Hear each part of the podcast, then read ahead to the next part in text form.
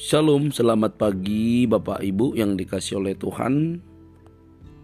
Di pagi hari ini saya kembali lagi untuk menyapa kita dan kiranya kita boleh memberi waktu untuk berdoa dan merenungkan firman Tuhan sebelum kita menikmati weekend kita pada hari ini. Mari kita buka Alkitab kita dari Amsal 12 ayat 18 Amsal 12 ayat 18 Ada orang yang lancang mulutnya seperti tikaman pedang Tetapi lidah orang bijak mendatangkan kesembuhan. Ada orang yang lancang mulutnya seperti tikaman pedang Tetapi lidah orang bijak mendatangkan kesembuhan. Bapak Ibu yang dikasih oleh Tuhan, di pagi hari ini kita bicara soal lidah yang tajam. Dalam novel David Copperfield karya Charles Dickens, David muda baru saja kembali dari kunjungan menyenangkan teman-temannya. Namun di rumah ia mendapati ibunya yang sudah menjanda menikah lagi dengan Edward, seorang pria yang memiliki karakter kasar dan suka menguasai orang lain. Pak Motherstone dan saudara perempuannya Jane, pengunjung tetap rumah itu, sepakat untuk menaklukkan David lewat hukuman dan intimidasi yang keji. Di awal proses itu, David menggambarkan perasaannya demikian. Mestinya seluruh hidupku menjadi makin baik. Mestinya aku telah menjadi orang yang berbeda. Dengan satu perkataan ramah, Comferville sangat ingin mendengar sepatah kata yang menguatkan penuh pengertian dan meyakinkan bahwa ia masih diterima dengan baik di rumahnya. Ia yakin kebaikan apa pun yang diterimanya akan membantunya menghormati dan menaati Pak Murstun. Namun yang membuatnya berkecil hati ialah tak pernah mendapatkan kata-kata penguatan.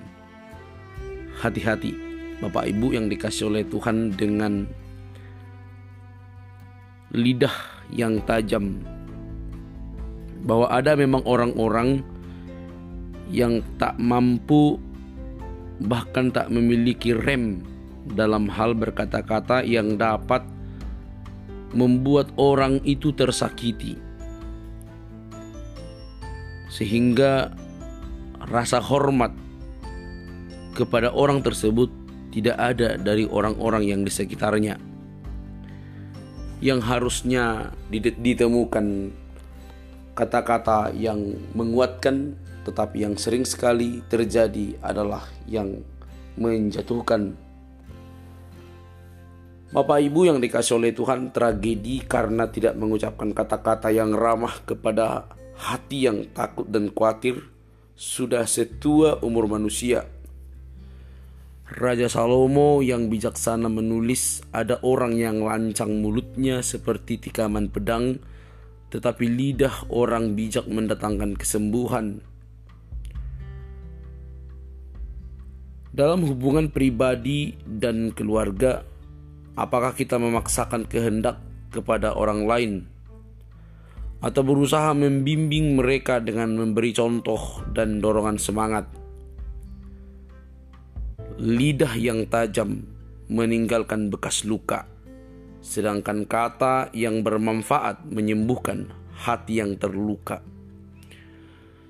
Saya tidak tahu bagaimana kondisi kita saat ini, bagaimana kita bereaksi kepada orang lain, tetapi ingatlah, pengamsal dengan bijak mengingatkan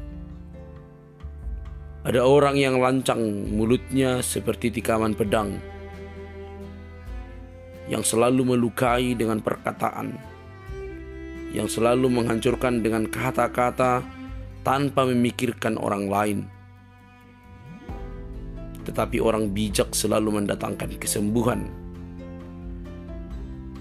mendatangkan kekuatan kepada orang-orang yang mungkin rapuh karena lidah mereka, lidah yang menyembuhkan hati yang terluka, memberikan kekuatan kepada orang yang lemah. Seharusnya ini menjadi tugas kita sebagai orang percaya yang sudah diselamatkan dan ditebus oleh Tuhan.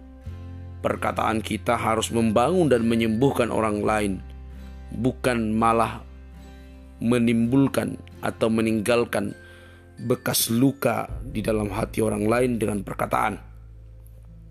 Bapak Ibu yang dikasih oleh Tuhan, perkataan yang ramah dapat meringankan hati yang berbeban berat. Pikirkan itu.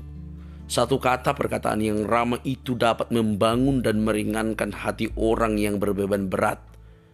Daripada lidah kita terus melukai orang lain, mencari-cari kesalahan orang lain, membuat orang lain remuk, mending pikirkan satu kata bagaimana orang lain itu dibangun oleh perkataan kita yang dapat menyejukkan hati mereka. Mari saya mengajak kita untuk memikirkan dan merenungkan ini kita memiliki lidah dan perkataan yang membangun atau lebih sering merusak atau melukai orang lain. Bapak Ibu yang dikasih oleh Tuhan, Amsal 15 ayat 4, lidah lembut adalah pohon kehidupan, tetapi lidah curang melukai hati. Jadilah orang-orang yang memiliki perkataan yang menyejukkan karena itulah pohon kehidupan, bukan orang-orang yang memiliki lidah untuk melukai sesama. Tuhan memberkati, selamat berakhir pekan, siapkan hati untuk beribadah minggu. Tuhan Yesus memberkati kita semua.